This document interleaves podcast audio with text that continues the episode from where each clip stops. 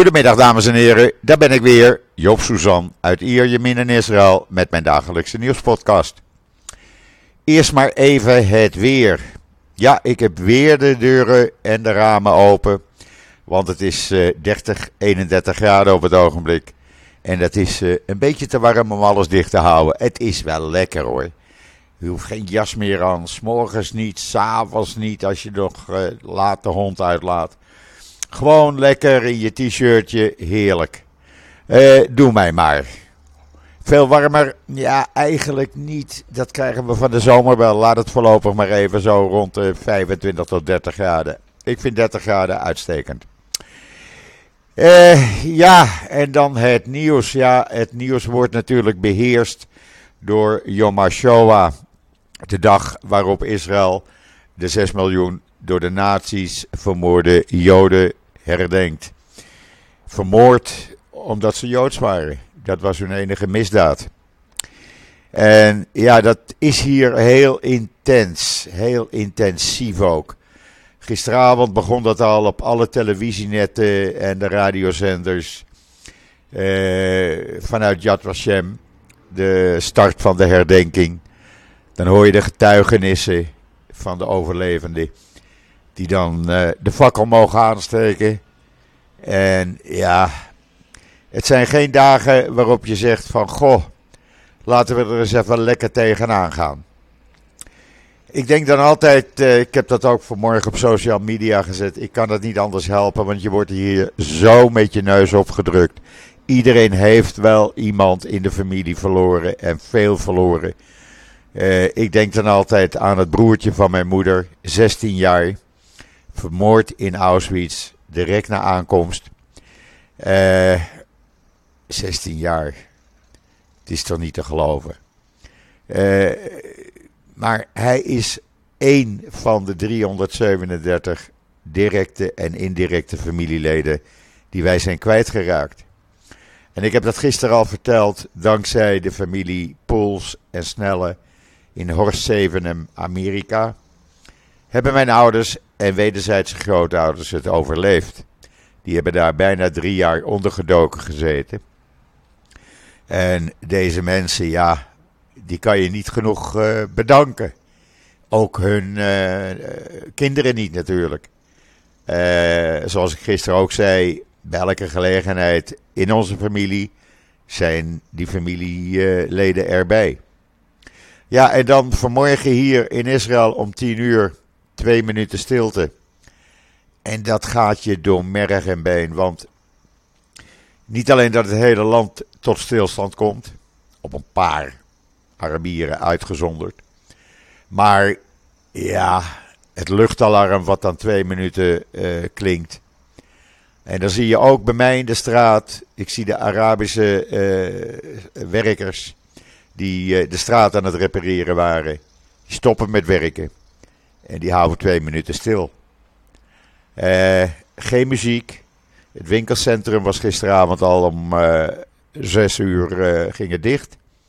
Is vanmorgen wel open gegaan, maar geen muziek. Restaurants, cafés, geen muziek. het bruisende in, van het leven in Israël is vandaag even zoek. Het is er niet. Het is gewoon stil. Ja, natuurlijk. Je hoort de auto's rijden, je hoort de mensen, de kinderen praten. Maar je hoort geen muziek, ook niet uit auto's. Iedereen houdt zich daaraan. En ik vind dat toch wel iets aparts. Ik vind dat heel bijzonder. Het, uh, ja, het bewijst maar weer des te meer. We hebben maar één land waar we kunnen leven. We hebben maar één land waar we een eigen leger hebben dat ons kan verdedigen.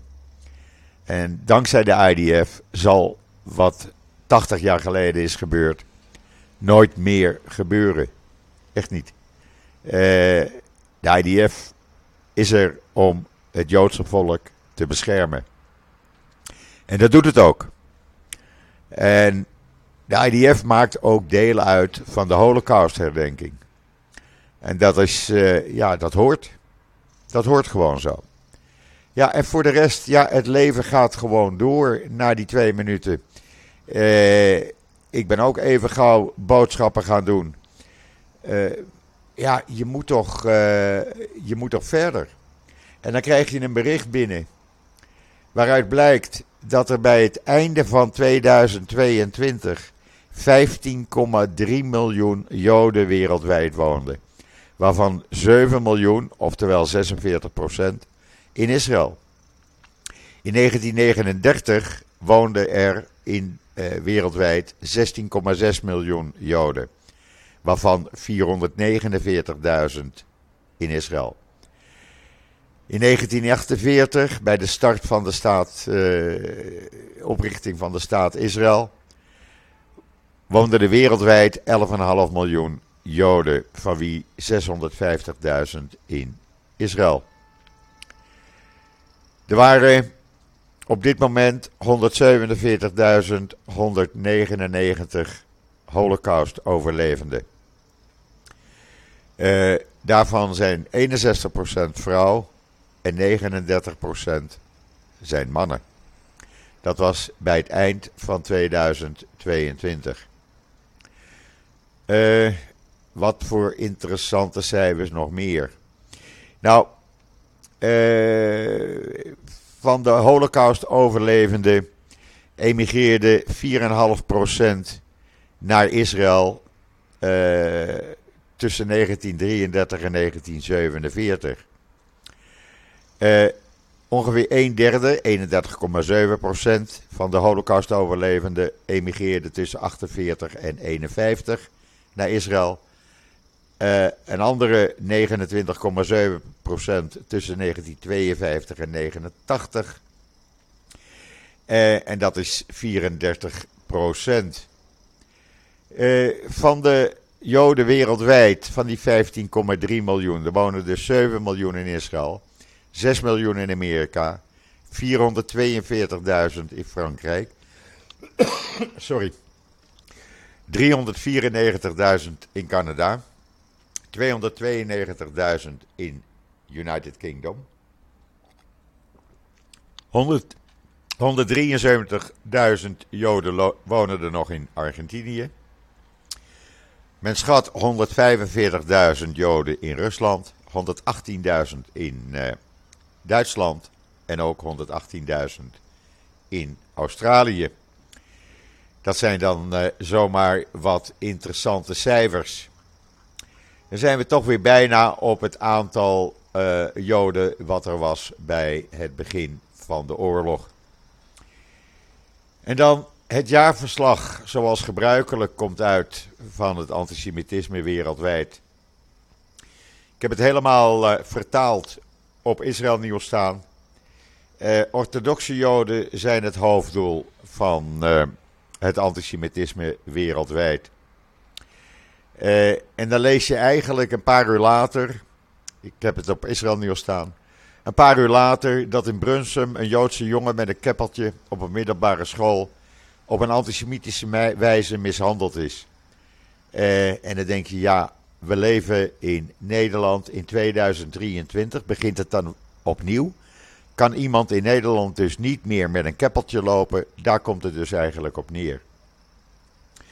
Volgens het uh, antisemitisme, het jaarlijkse antisemitisme-rapport, uh, zijn zichtbaar identificeerbare Joden, dat zijn dus voornamelijk Joden die een keppeltje dragen of orthodox gekleed zijn, de belangrijkste slachtoffers van antisemitische aanvallen in de westerse landen. Daaronder vallen ook afranselingen, bespuugd worden en voorwerpen die naar hen worden gegooid. In Amerika is het wel heel erg gesteld, bijvoorbeeld in New York, maar ook in Londen. Daar vindt het, uh, vond het grootste aantal uh, antisemitische aanslagen in Europa plaats. En daarnaast verschillende andere steden in Europa, ook in Nederland. Het is een uitgebreide studie die elk jaar wordt gedaan. Je kan hem helemaal lezen in Israël Nieuws. Ik ga hem niet helemaal voorlezen, want we hebben nog meer nieuws. Eh, zoals, eh, ja, dat vind ik zelf persoonlijk wel, uh, wel mooi. Sylvan Adams, de filantroop, de Canadese Israëli is een van de fakkelaanstekers op onafhankelijkheidsdag volgende week dinsdagavond. En eh, als u niet weet wie Sylvan Adams is, Sylvan Adams is de man bijvoorbeeld die eh, allerlei belangrijke sportevenementen naar Israël haalt. Hij heeft Lionel Messi met het Argentijnse voetbalelftal hier naartoe gehaald voor een vriendschappelijke wedstrijd in Tel Aviv. Madonna, eh, eh, hij heeft de Franse Supercup naar Tel Aviv gehaald. Hij heeft de Giro d'Italia een aantal jaren geleden in Israël laten starten. Hij zorgt voor uh, de jaarlijkse uh, wielrenploeg vanuit Israël voor de Tour de France. Ja, deze man doet enorm veel buiten wat we niet weten. Dus heel mooi dat hij een van de fakkelaanstekers is. En dan iets heel anders. En dan zou je zeggen, ja, maar waarom moet dat nou op Yom HaShoah? Nou, dat moet op Yom HaShoah. Omdat dat toont wat Israël is. Er is een, uh, een soort hippiecultuur door camperfans naar de Dode Zee gebracht. Die hebben daar een, camper, een camping opgericht. Bestaande uit oude Volkswagenbusjes. En dan kan je dus overnachten. Dat is uh, bij Kibbutz Ein Gedi. En hoe je dat moet doen, hoe je kan uh, bestellen. Nou, dat lees je allemaal in dat artikel, waar ook veel foto's in staan. Het is hartstikke leuk. Ik denk dat ik het zelf maar eens een keer ga doen. Want ik wist niet dat het bestond. Ik had die auto's wel eens een keer zien staan, die oude Volkswagenbusjes. Maar dat die bedoeld waren om daarin te overnachten, nee, dat wist ik niet. Zo leer je dus elke dag weer. En uh, het is hartstikke leuk. In de bergen bij Engedi. Wat wil je nog meer? Lees het artikel op Israël Nieuws. Misschien ga je het ook wel doen. En dan heeft premier Netanyahu gisteren de Amerikaanse Republikeinse senator Lindsey Graham ontmoet. Dat is een hele belangrijke senator. Ze hebben uitgebreid gesproken over uh, Saudi-Arabië, want daar was hij geweest. En hij, uh, Graham, probeert de banden tussen Saudi-Arabië en Israël uh, een beetje overeind te krijgen. Ja, of dat gaat lukken nou met Iran, ik weet het niet. Maar goed, alle beetjes helpen, zullen we maar zeggen. Je kan het lezen in Israël Nieuws. En dan heeft Bas Belder een heel mooi interview gemaakt met Donald Pagrach uit Gouda. Uh, een Joodse man in Gouda die zorgt voor uh, excursies langs huizen met stolperstenen. Hij vertelt op scholen in Gouda en omgeving over het Joodse gezin waar hij uitkomt. De Joodse, ja, de Joodse families in Gouda. Wat ze betekend hebben voor Gouda. Het is een heel uitgebreid interview. Ik vind het persoonlijk een heel mooi interview. Ik ken Donald. Uh, ik heb hem natuurlijk jaren niet gezien, maar vroeger wel. En uh, ja, heel bijzonder dat dat nu uh, op Israël nieuws staat. Lees het interview even. Ik denk dat jullie het allemaal leuk gaan, gaan vinden. Wat ik ook leuk vind, Hashomer Hagadas, dat is een Israëlische jeugdvereniging.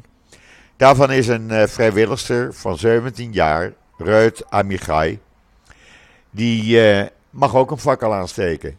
Hoe leuk is dat? Ze is al drie jaar vrijwilligster, doet veel voor die uh, organisatie.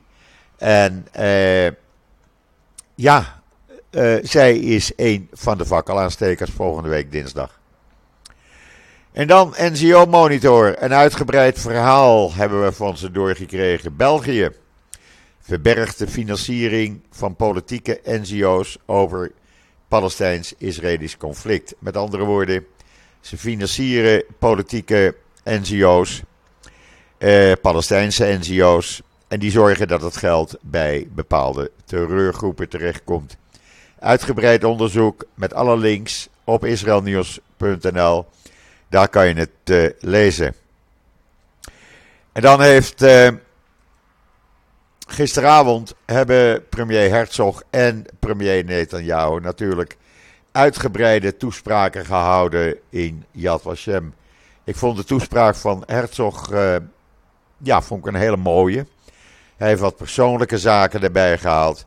Je kan die toespraak in ieder geval van beide, van Netanyahu en Herzog, lezen in the Times of Israel.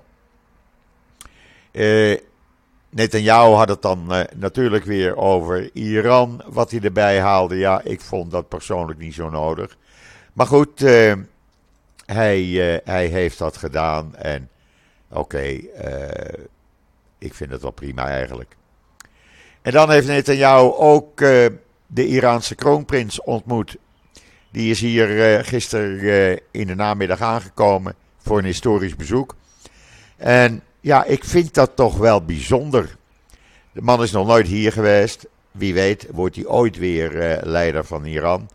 Hij had het natuurlijk over de goede verhoudingen tussen de Iraanse bevolking voor de Ayatollahs met de Joodse medebewoners. En ja, in i24 Nieuws een heel, hele reportage daarover. Echt heel mooi. En Lapid, die had een hele goede en daar kan ik me helemaal in vinden.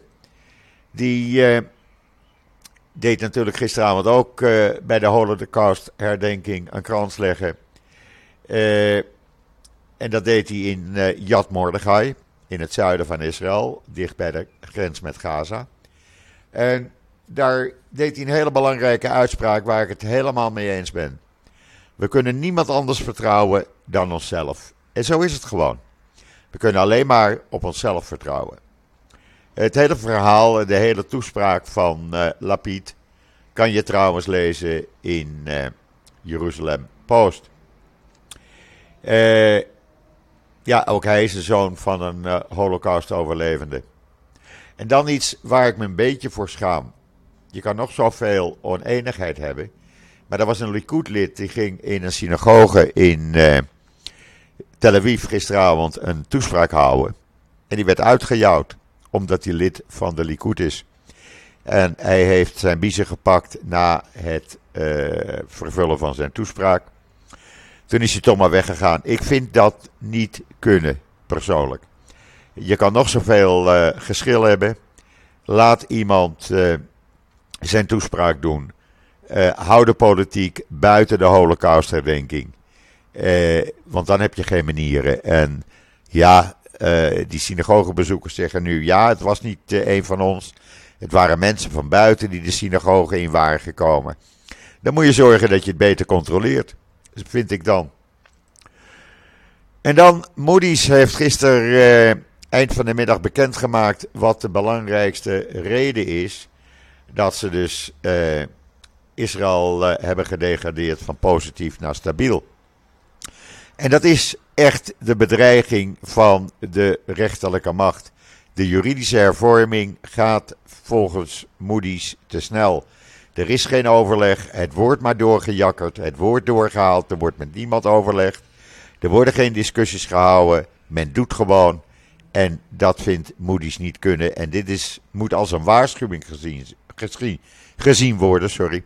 Het moet als een waarschuwing gezien worden. Want over een paar weken in uh, mei kan Moody's wel zeggen: oké, dan gaan we ook de kredietwaardigheid verlagen. En dat is natuurlijk nog erger. Dus ja, laat het een waarschuwing zijn voor de regering Netanyahu. Je kan het in bijna alle kranten lezen, Engelstalige kranten, uh, deze reden. En dan vanmorgen uh, vonden twee Palestijnse terroristen het nodig op Holocaust herdenkingsdag met een machinegeweer in Jeruzalem in het rond te gaan schieten. En twee orthodoxe mensen zijn daardoor in het ziekenhuis terechtgekomen. Er is nu een klopjacht gaande. Uh, je kan de film zien in bijna elke krant. Times of Israel heeft de film uh, van die aanslag erin staan. Uh, dan zie je hoe ze dat deden. Het is beide wilde beesten af.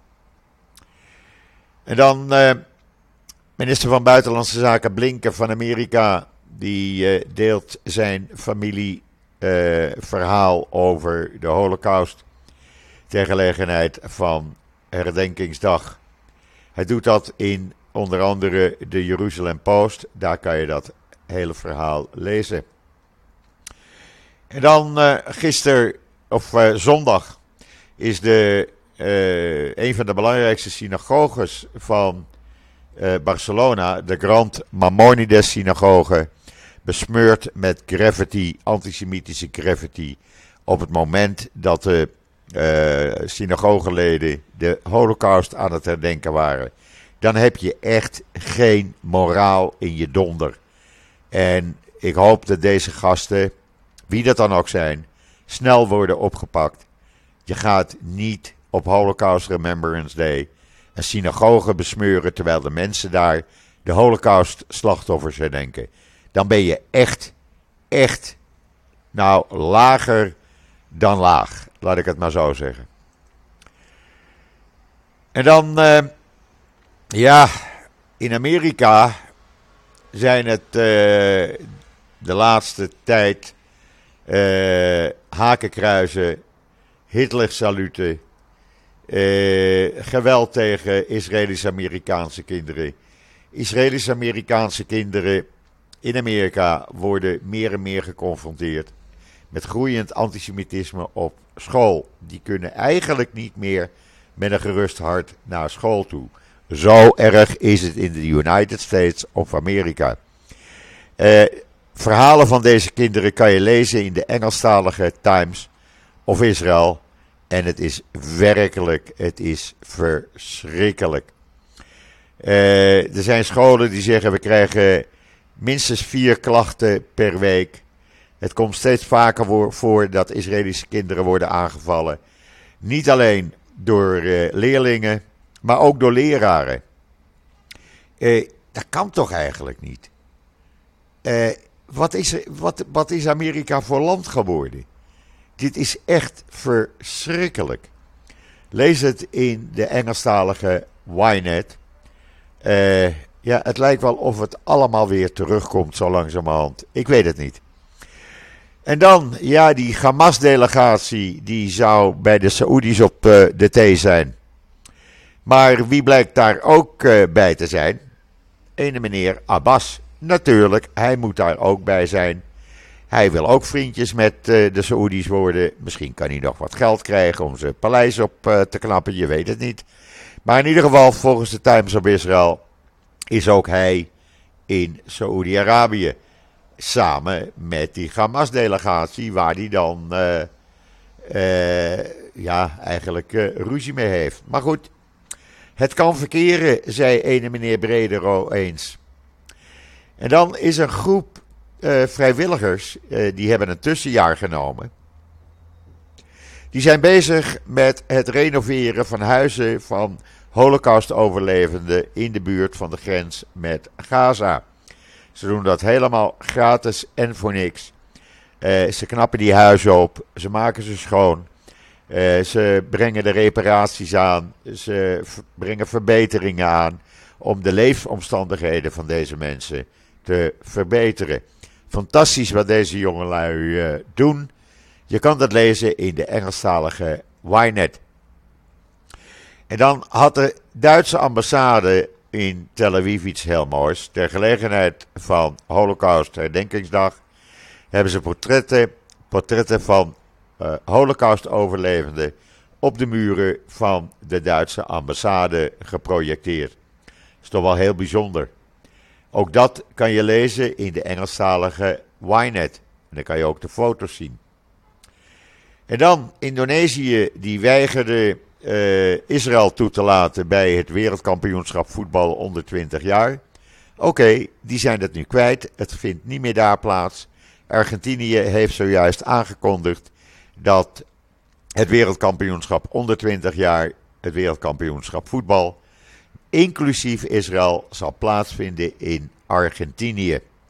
Dan moet Indonesië maar op de baren, blaren zitten. Eh, want dit slaat nergens op. Maar goed, eh, het gebeurt gelukkig en ik ben daar eh, blij om. Weg bij Israëlhaters. En dan iets heel moois gisteren bij de Boston Marathon. Or Eshkar was een van de drie uh, terreurslachtoffers een paar weken geleden in Tel Aviv. Hij was druk aan het trainen voor de marathon van Boston. Hij was heel sportief. En uh, ja, wat is daar gebeurd bij die Boston Marathon? Uh, men had een gedenkteken uh, daar voor de slachtoffers van de terreuraanslag tien jaar geleden tijdens de Boston Marathon. Maar men is ook Or Eskar gaan eren. En uh, de familie heeft het deelnamepakket van Or in ontvangst kunnen nemen in het stadhuis van Boston. Heel mooi. Uh, en men heeft uh, zijn naam natuurlijk uh, geëerd tijdens de marathon van Boston. Dat is een hele mooie ceremonie geweest. Ik vind dat ze dat keurig hebben gedaan. Lees het en kijk het in de Engelstalige Ynet. En dan, ja, we hebben hier natuurlijk nog steeds de politieke problemen.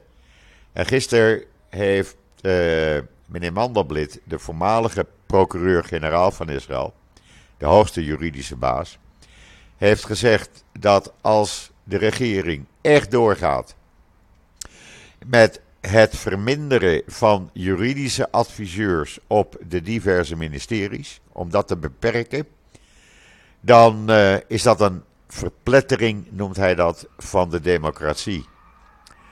Want het kan niet zo zijn dat je zomaar uh, juridische adviseurs bij de ministeries gaat weghalen. En uh, niet juridisch onderlegde mensen beslissingen laat nemen over juridische zaken. Dat kan niet. Dat moet je niet doen en dat kan ook niet. Hij heeft een uitgebreid interview aan Channel 12 gegeven. Dat staat in onder andere de Times of Israel.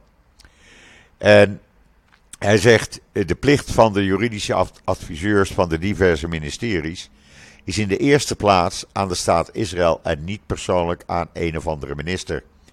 En als je die dus gaat weghalen en een minister gaat zomaar eh, vriendjes of wie dan ook als een soort juridisch adviseur neerzetten die niet juridisch onderlegd zijn, dan is dat een aanslag op de democratie. En daar kan hij nog wel eens gelijk ook aan hebben.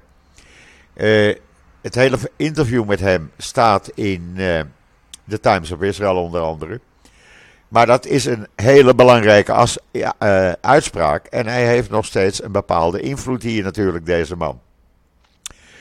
Ja, het leven gaat gewoon door. En uh, ja, dan maar zonder muziek vandaag.